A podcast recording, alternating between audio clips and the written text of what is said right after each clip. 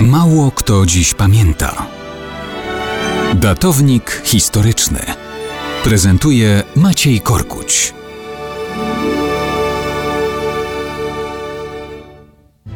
Mało kto dziś pamięta, że 15 grudnia 37 roku urodził się w italskim Ancium Lucius Domitiusz.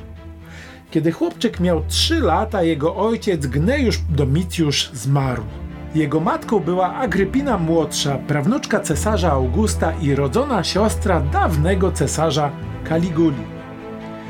Kiedy Lucjusz miał 12 lat, została ona kolejną żoną aktualnie rządzącego Rzymem cesarza Klaudiusza. Lucjusz Domitiusz został więc synem cesarzowej.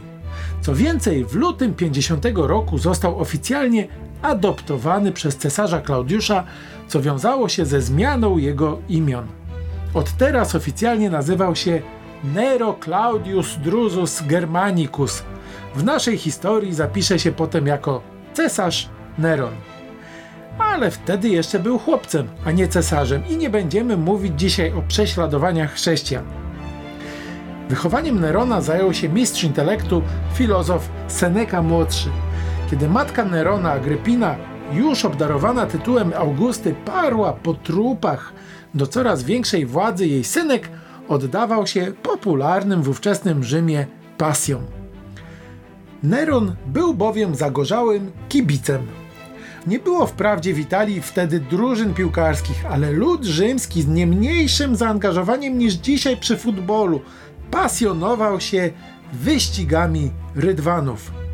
Istniały tam cztery stronnictwa wystawiające swoje ekipy na zawody, obserwowane i komentowane przez tysiące ludzi.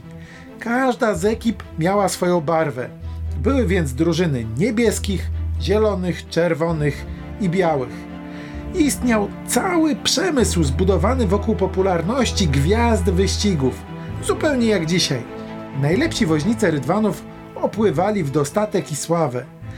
Ich imiona były na ustach wszystkich, ale na ulicach Rzymu dyskutowano też o zakupach wierzchowców i zakupach nowego sprzętu, czyli nowych rydwanów. Byli też kibice, którzy zwalczali się za żarcie, broniąc wielkości swoich gwiazd na rydwanach. Młody Neron kibicował zielonym, ale pasje pasjami, a życie stawiało przed nim nowe wyzwania. Miał zaledwie 17 lat, kiedy przebrany ojciec Klaudiusz zmarł. Zasiadł więc Neron na tronie. Budził wiele nadziei, ale raczej ich nie spełnił. Został zapamiętany jako okrutnik i despota. Ginął opuszczony przez wszystkich zaledwie w wieku lat 31. Być może lepiej by zrobił, gdyby poprzestał tylko na kibicowaniu.